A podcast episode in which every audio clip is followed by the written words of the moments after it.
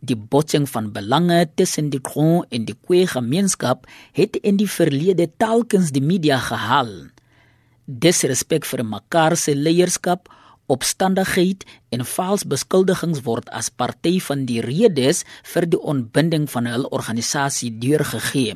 Die huidige voorsitter en grondleier Mario Mahongo sê skeiding van die twee gemeenskappe is die enigste uitweg en mondelike oplossing vir hul probleem. Die dinge wat nou gemaak het dat hierdie dinge eintlik nou gebeure was oor die Royal House. Hulle is nou die grootste kwelpunte wat hierdie dinge eintlik laat gebeur.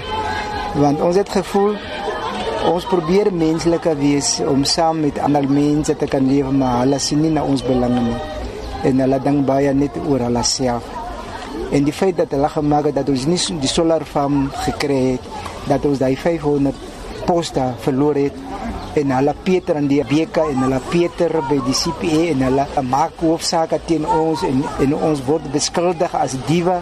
Die Kwe United Royal House word gesien as een van die groepe binne die gemeenskap wat die meeste probleme veroorsaak. Maar 'n lid Jason Marenda hou voet by stuk dat hulle nie afstand gaan doen van hulle standpunte nie. Hy meen dat besprekingspunte van vele vergaderings wat oorgestaan het tot die ontbinding van hulle gesamentlike organisasie gelei het. Die punte wat al die ander vergaderings opgehoop het, het vandag uitgekom. Want dit wys ons hoe die ander party altyd dinge gebeur het wat ons ander nie reg gesien het. Wat soek hulle al die pad? As ons praat van die Quay United Rail House en die ander Quay houses. Die ander Quay houses hulle gee hulle se steuning by die komens.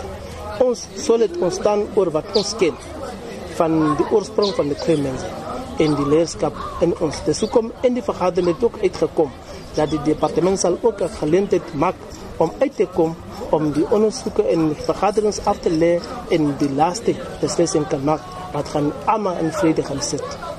Amptenare van die Noord-Kaapse Departement van Landelike Ontwikkeling en Grondhervorming het ook die vergadering bygewoon.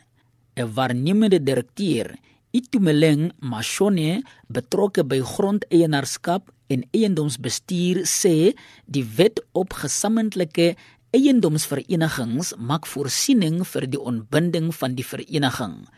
Hy noem verder dat hulle die gemeenskap regdeur die proses sal ondersteun en die nodige hulp sal verleen. Ek is Tom Senorre op Platfontein in die Noord-Kaap.